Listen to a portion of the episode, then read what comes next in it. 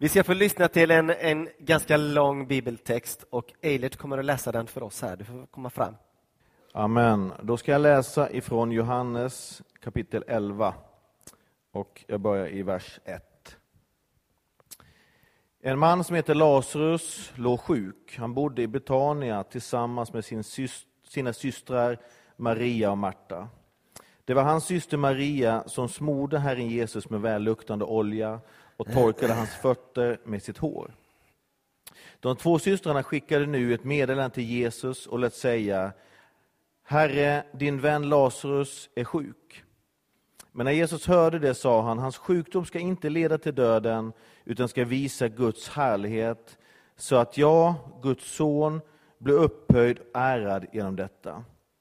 Så trots att Jesus tyckte mycket om Marta, Maria och Lazarus stannade han därför kvar i ytterligare två dagar. Sedan, han, sedan sa han till sina efterföljare, låt oss gå tillbaka till Judeen.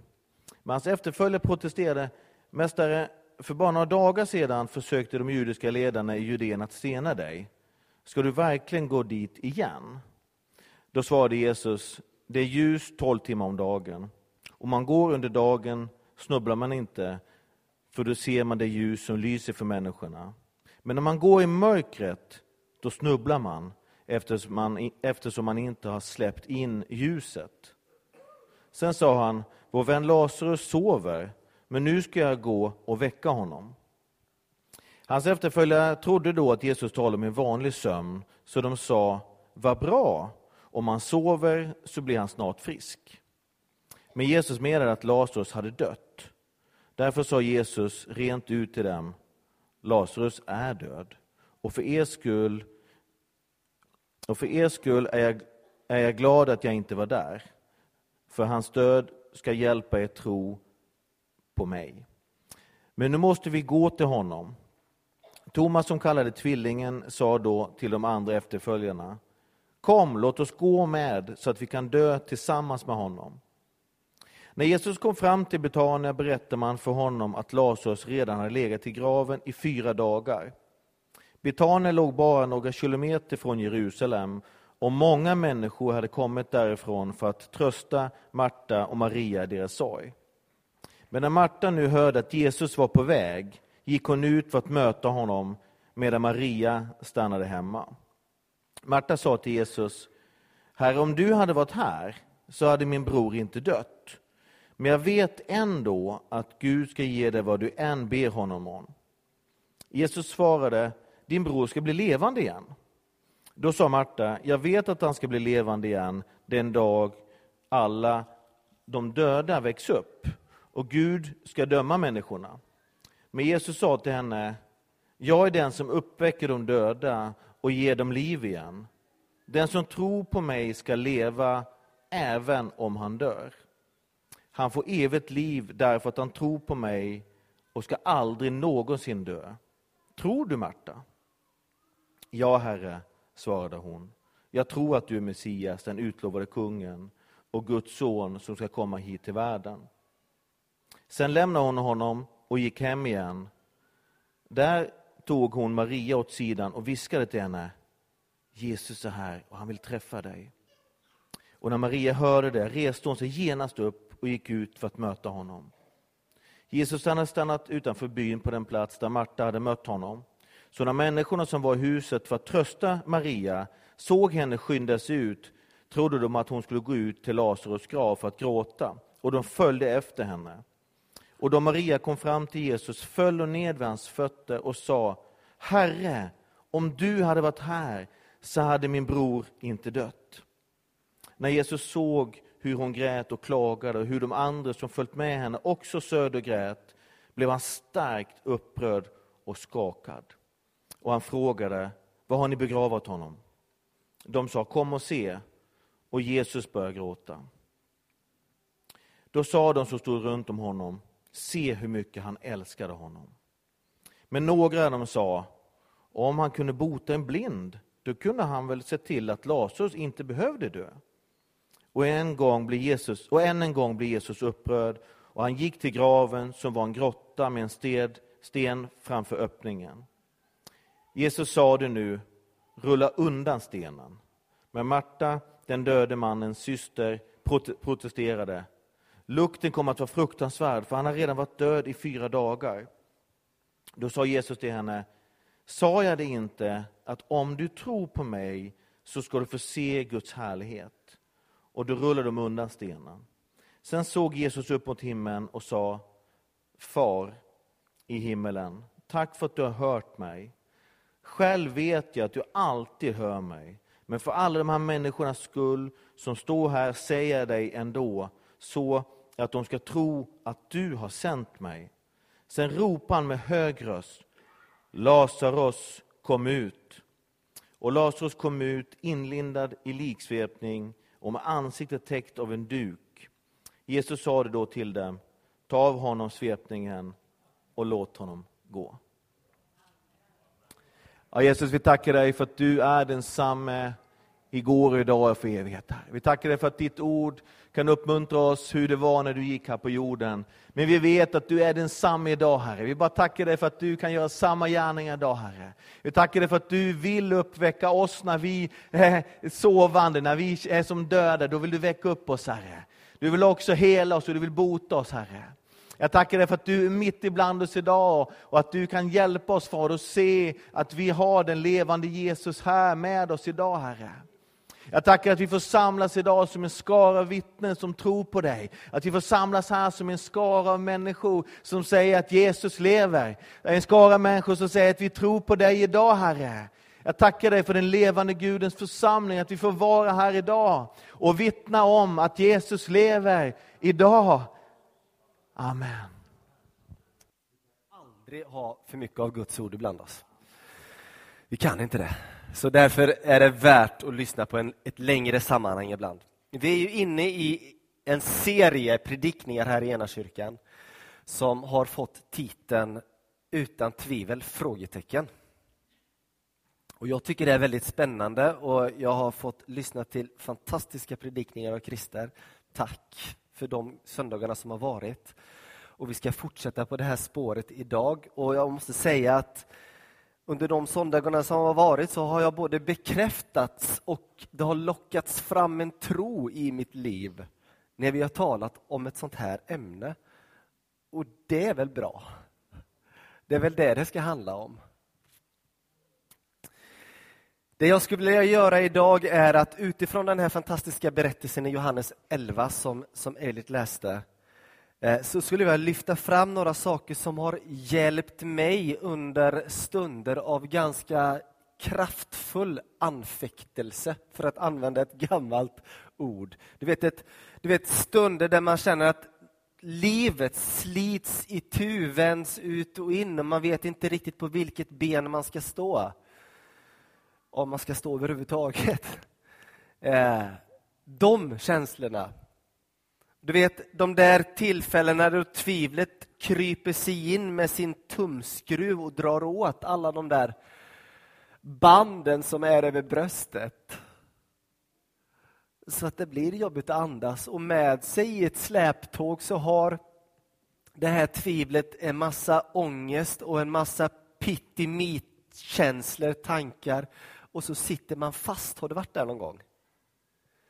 Eh, det skulle jag vilja använda eller låta den här bibeltexten som vi nyss läste hjälpa oss i den situationen. För jag tror att vi alla har varit där eller kommer att vara där. Så har du inte varit där så kommer du hamna där. Så det är lika bra att du lyssnar nu eh, på det här. Jag är fullt medveten om att, att många kan tycka att ja, men Peter, det du säger nu det är alldeles för för lättköpt. Det är för, för lätta svar på svåra frågor. Eh, om du bara visste vad jag har gått igenom så skulle du inte kunna säga det där. Nej, jag vet inte riktigt vad du har gått igenom. Det är helt sant. Kan aldrig veta det. Vår väg är olika för oss var och en. Men jag vill ändå påstå att, att jag vet något om vad det är när livet rasar. Och jag vet något vad det handlar om när alla drömmar på något sätt som man har haft går i tu. Så på den mån så känner jag mig ganska bemyndigad och ganska säker på det jag säger. Eh, och jag bara vädjar till dig att fortsätta lyssna när du tycker att, nej men det här. Förstår ni? Är ni med mig hur jag tänker? Häng med. Det är min bön. En sak har jag lärt mig, min älskade församling. Det är en sak som jag skulle vilja läsa ytterligare en bibeltext för att förklara. Ifrån Filipperbrevet 4, 11-13. Jag säger inte att jag har saknat något, för jag har lärt mig att vara nöjd med det jag har. Jag kan leva enkelt, jag kan också leva i överflöd. Men allt och med alla förhållanden är jag förtrogen.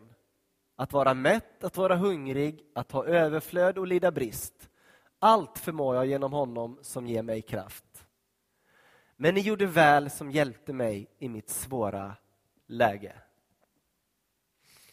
Ni vet, för Paulus så hade den här, den här självklarheten som han ger uttryck för här inte var, kom, varit något som har kommit per automatik in i hans liv. Utan det, det är någonting som han har lärt sig. Läste ni det? Han har lärt sig någonting. Det är inte så att Paulus kommer till tro på Jesus Kristus genom en fantastisk uppenbarelse där på vägen eh, till Damaskus.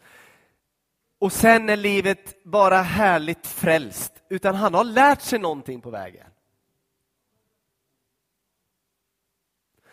Och det är inte alltid så säkert att han har tyckt om lektionen. Men han har lärt sig någonting. Allt förmår jag genom honom som ger mig kraft. Jag kan leva i alla livets dur och moll på något sätt om jag får ta en fri översättning. Det är vad han säger. Han har inte fått det som en gåva utan han har lärt sig det. Och så kommer den där lilla versen i slutet, vers 14, som är så vacker tycker jag. Men ni gjorde väl som hjälpte mig i mitt svåra läge. Vi tar den en gång till. Men ni gjorde väl som hjälpte mig i mitt svåra läge. Ni vet, ibland så tror jag att vi, eller jag vet att vi behöver familjen. Alltså, vi är. Jesus kan göra jättestor skillnad i våra liv och det gör han. Men det finns också en aspekt här. Ni gjorde väl som hjälpte mig i mitt svåra läge. Ni.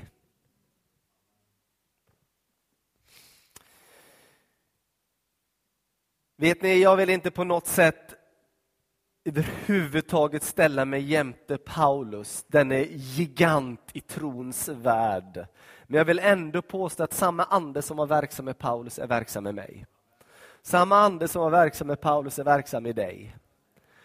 Vilket betyder att, betyder att du och jag också kan få ställa oss, det här har vi lärt oss. Jag skulle vilja ta med dig på den här resan nu med att dyka ner i några saker i Johannes 11 som har varit till sånt enormt stöd för mig i, på den här resan. Där man lär sig det här, att leva i alla livets dur och moll. Du vet, när tvivlet sätter till. Och det, det skakar rejält i det som kan skakas.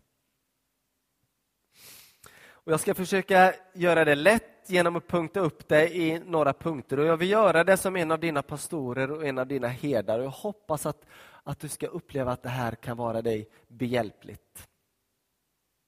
Det första som möter oss i det som Eilert läste det har jag sammanfattat i punkten Jesus älskar dig, svåra tider kommer ändå. Herre, den du har kär ligger sjuk. Så börjar det. Den du har kär ligger sjuk. Byt ut ordet sjuk om det är sjukdom som inte är så aktuellt i din tumskruv just nu. Det kanske är oro inför framtiden, det kanske är ja, vad du än vill. Du kan byta ut det till det som ligger högst upp i din agenda. Men det är ändå i en botten av att den som du har kär. Hela det här avsnittet som Eilert läste för oss så kommer det tillbaka hur mycket Jesus älskade både Lazarus och Marta och Maria. Han älskar dem. Och vännerna som står där när Jesus upprörs i sitt innersta ska gå in i graven, se hur han älskade Lazarus. Han älskar dem. Och jag tror att du finns här som kanske till och med nu, eller åtminstone har ropat ut en fråga till Gud. Älskar du mig? Om du älskar mig, varför händer då det här? Och det skulle jag vilja tala rakt in i ditt liv idag. Att Gud är här för att möta dig och säga att oavsett de här omständigheterna så ska du veta att jag älskar dig. Precis lika mycket som jag älskar Lazarus, Marta och Maria. handlar inte om det. Men ofta hamnar vi där. Om du älskar mig, varför? Kan vi bara ta och öppna våra hjärtan och, och sträcka ut våra händer. Och så tar vi med det här i bön en kort stund. Jesus, jag tackar dig för att din kärlek är evig. Din kärlek är konstant. Det finns inget vi kan göra för att den ska bli högre eller lägre, utan, utan den är konstant. Herre, du ser hur ofta vi hamnar i de här situationerna när saker och ting händer i våra liv där vi betvivlar, vi sätter ett tvivel till, älskar du mig? Tack Herre för att du vill tala in i våra liv idag att det är precis det du gör. Amen. Ibland så tänker jag så här att när, när jag står i den här, den här gropen, ni vet, och de här, den här anfäktelsen är i, igång, så är det som nästan en plastig attityd eller plastigt tilltal när någon säger att ja, Jesus älskar dig. För det, det tar liksom inte. Eh, och så kan det vara med ord ibland, men jag tror att vi kan få be att den helige Ande gör det till en verklighet i våra liv. Så att vi verkligen upplever det, erfar det, känner det mitt där i botten på hålet. Jag bara ville säga det, skicka med det också. Den andra saken. Kalla på Jesus, ropa på Jesus. Det är det andra som jag upplever den här texten vill lära oss. Alltså när någonting händer i våra liv, när någonting verkligen blir så här drastiskt och tumskruven dras åt, så är det oftast två vägar vi går. Endera slår den här reptilhjärnan igång och blir lösningsorienterad. Hur ska jag lösa den här problematiken som jag står i? Vad ska jag göra? Hur ska jag ta tag i det? Eller så slår en annan del av hjärnan till som gör att du sänker blicken och tittar in i din navel och du liksom du blir så engagerad i dig själv så du släpper alla möjligheter på att det här kan lösa sig. Och jag skulle vilja säga att det finns en tredje väg att gå. Precis det som Maria och Marta ger uttryck för här. Direkt så ropar de på Jesus. När det händer. Och, och här tror jag vi behöver vara lite ärliga med varandra. Vad är det som händer i, i dig när det faller över dig. Hur funkar du? Är det första du gör är att kalla på Jesus? Eller är det någon av de andra vägarna? Och här tror jag att vi kan, precis som Paulus, lära oss.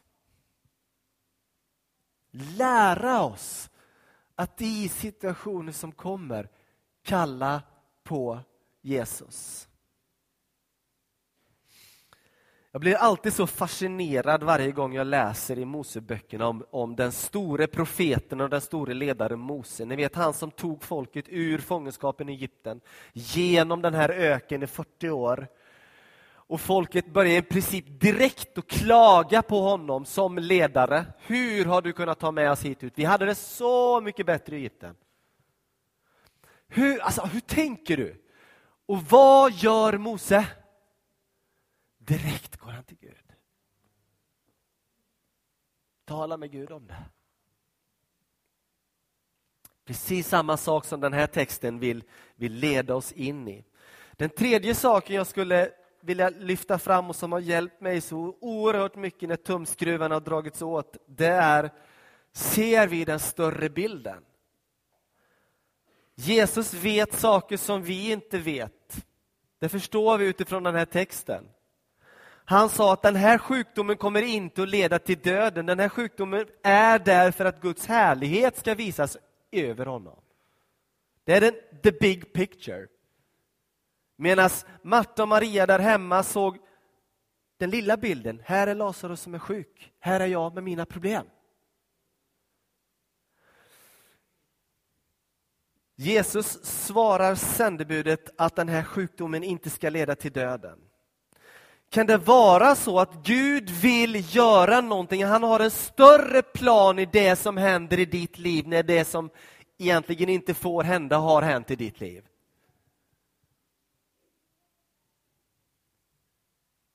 Kan det vara så? Vad som var the big picture i den här texten, det vet vi, men vad som är the big picture i ditt liv, det kan jag inte svara på. Men vi kanske kan fråga Gud, är det något du vill lära mig genom det här? Precis som Paulus gav uttryck för, jag har lärt mig.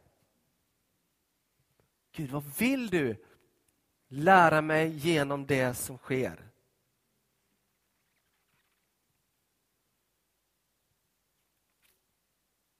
Fjärde punkten, när bönesvaret dröjer. Det är väl ingen som har varit med om det? Eller? När du ber, då, då cashar du in på en gång, eller? När bönesvaret dröjer. Dröjde det i den här bibeltexten vi läste? Det dröjde en del. Kallelsen går ut till Jesus, bönen har betts. Du har ropat på Jesus, han har hört din bön. Men i vår text så väljer Jesus att vänta några dagar. Varför då? Varför väntar han i några dagar? Jag kan föreställa mig hur Marta ställer sig efter budet har gått iväg och budbäraren har kommit hem och tittar, varför kommer han inte? Vad är det som gör att min bön inte gäller? Inte når fram eller det känns som min bön inte... Alltså kan vi känna med Marta?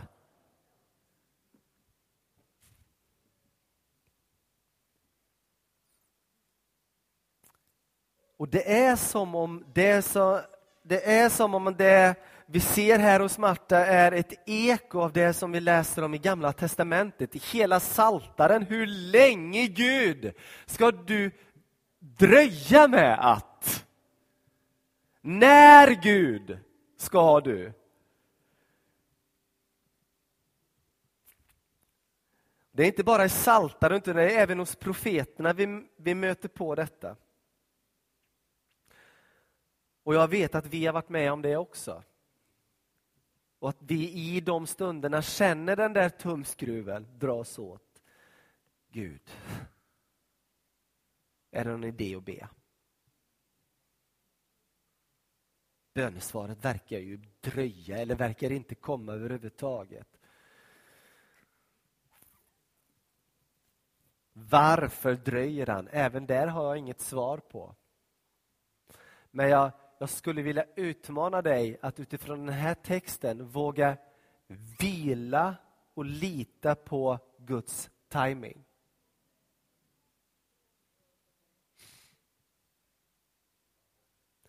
Vet, I bibeltexten så kan vi läsa ut att det finns olika ord för tid.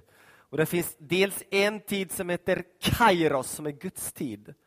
Det Gud har tänkt ut, det Gud har i sin plan. Och så finns det kronos som är vår löpande tid, så att säga.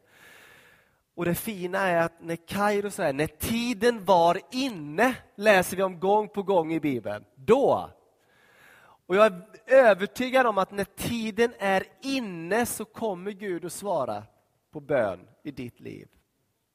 Kanske inte alltid på det sätt som du hoppas, men han kommer att svara. Att våga lita på och slappna av att Gud har sin timing.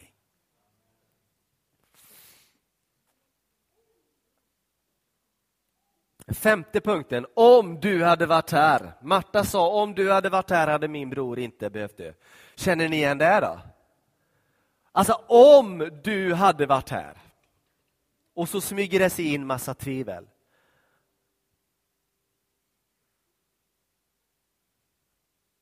Om du hade varit här, alltså Jesus bryr du dig inte, för om du hade varit här så hade det här inte behövt ske. Om du hade... Känner vi också igen från ett annat ställe i Bibeln, eller hur? När Jesus befinner sig ute i öknen direkt efter sin dop. Då det finns en annan röst som lyder, om du är Guds son så gör de där stenarna till bröd och mätta dig. Om du är Guds son så kasta dig ner från tempelmuren. Gud kommer sända sina änglar. Om, det här lilla ordet om, verkar ha sin kraft och sina rötter ifrån väldigt mörka rum. Om du hade varit här.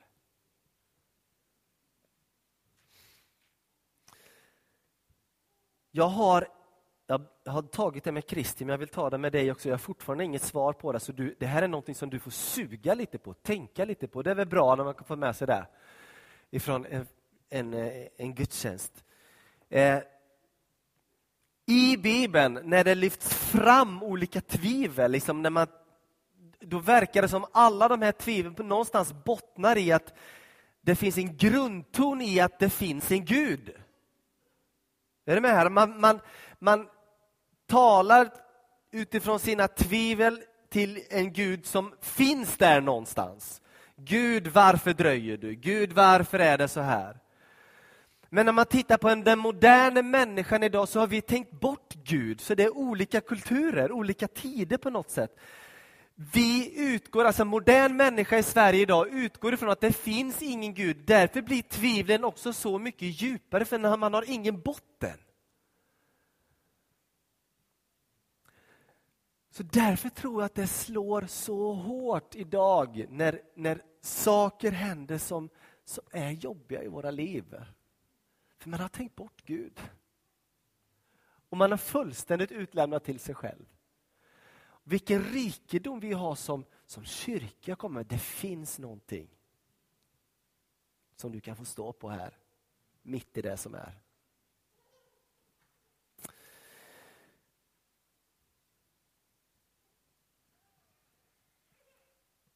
Det tredje, Jesus skakas i sin, eller sjätte, Jesus skakas i sin ande och han gråter.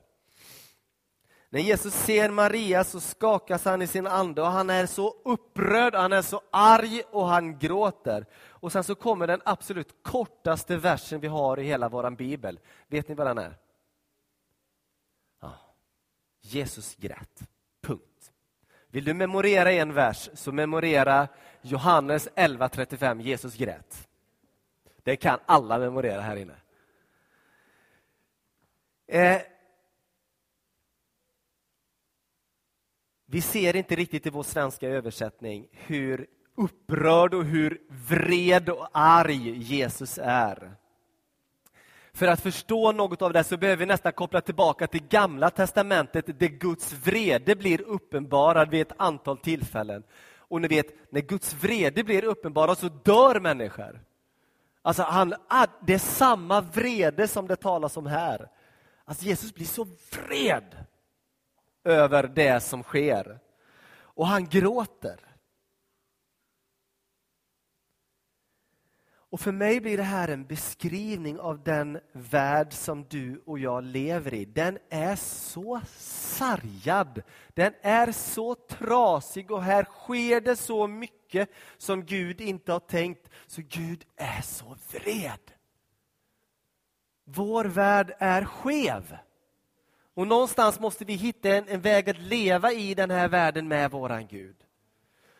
Och ibland är det inte mer än så, ska, eller det är fel att säga så, ibland är det så att det enda vi kan vara säkra på det är att där vi står i den här skeva världen och gråter, där står Gud och gråter med oss.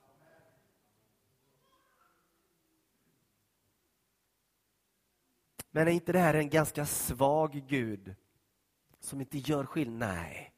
Du vet, den guden vill jag ha jämte mig när allting skevar i mitt liv så vill jag ha den Gud som står vid min sida, håller mig i handen och gråter tillsammans med mig.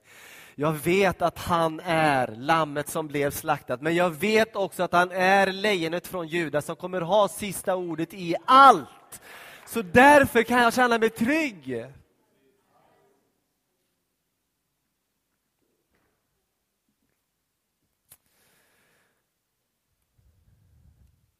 Sjunde punkten, jag har bara en kvar efter det här, så då, då vet ni var vi är någonstans. Vi är snart inne på landning.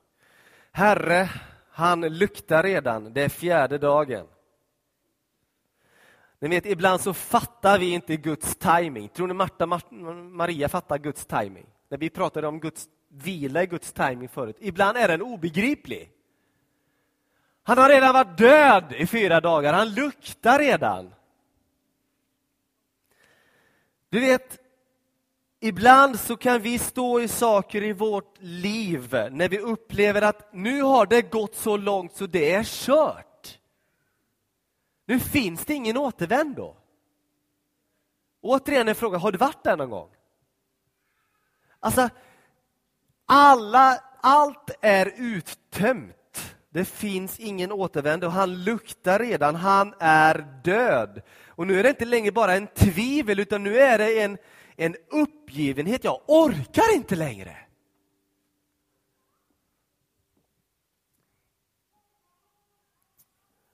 Och någonstans är det där som, som Gud kan slå till. När allt hopp är ute. Jag lyssnade en gång på en, en fantastisk förkunnare. Jag vet inte om jag har sagt det här i kyrkan, det har jag säkert gjort någon gång, men alla kanske inte var med den gudstjänsten. Stefan Salomonsson är det några av er som känner till. Han har heller inte haft en spikrak resa i sitt liv. Han har varit med om saker som skulle få de flesta att sjunka under jorden. Eh, för att det är jobbigt att leva. Och han han möter ofta på människor som är i sorg och förtvivlan och i tvivel och när man är i den, det modet så att säga så, så är det så lätt att man isolerar sig. Man bokstavligt talat stannar inne. Man åker inte iväg någonstans, man träffar inget, man är i sin egen bubbla på något sätt.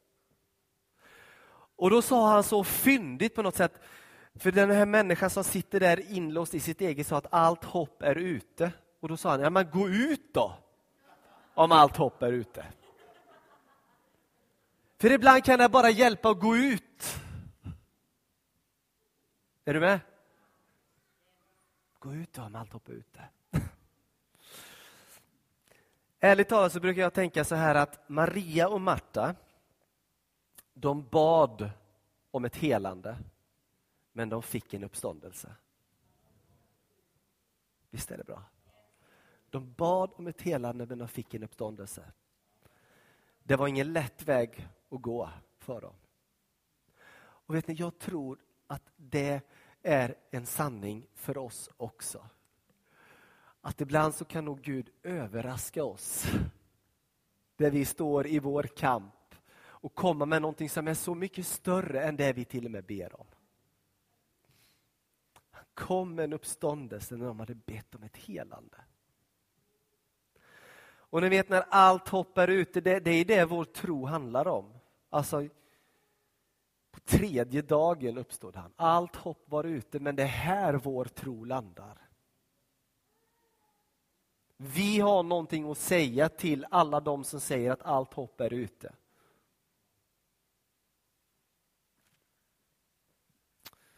Sista punkten.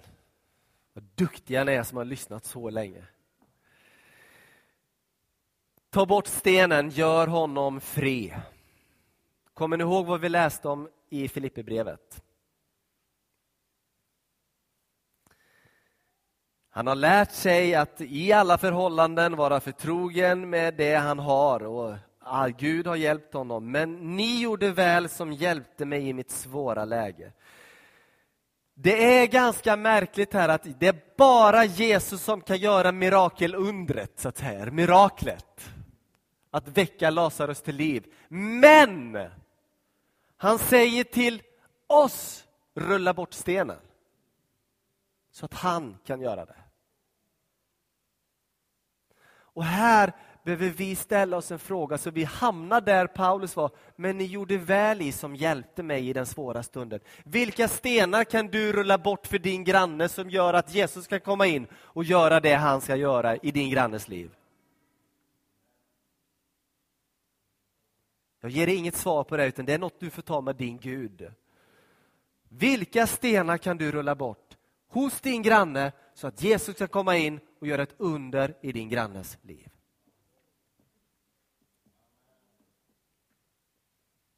Och när undret har skett, vilka bindlar kan du vara med och ta bort hos den som har varit med om ett fantastiskt under tillsammans med Jesus så att han får leva fullt ut i Guds rike? Kan vi vara en sån församling? Vi vill vara en sån församling. Det bindlar tas bort, det stenar rullas undan. Jag ska be att eh, lovsångsteamet kommer fram. Vi ska ta en stund i, i bön och tillbedjan, vara inför Guds ansikte. Och I den här församlingen, om du inte har för vana att vara här, så brukar vi ha några förbedjare som är här. Och med det vill vi säga att vi vill hjälpas åt att rulla bort stenar. Det är det vi gör i förbönen. Du får hjälp av en medvandrare i livet att rulla bort någon sten så att Jesus kan göra ett under i dig. Så, så jag skulle vilja välkomna dig fram. Förbedjare kan gå bort och ställa sig där nere. Eh, och det ni ber dem att be om, det stannar där. Det är ingenting som de tar vidare till någon annan. Det stannar där hos de förbedjarna. Det, det är någonting mellan dig, förbedjaren, medvandraren och Gud.